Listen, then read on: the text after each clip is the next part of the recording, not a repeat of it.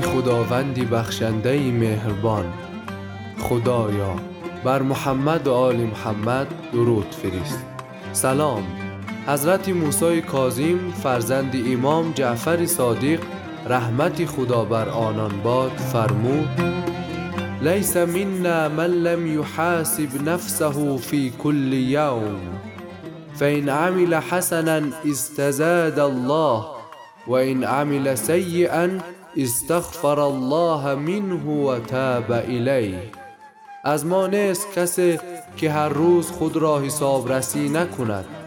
پس اگر کاری نیکی کرده است از خدا زیادی آن را بخواهد. و اگر بدی کرده باشد از خدا آمرزش بخواهد و به سوی او توبه نماید.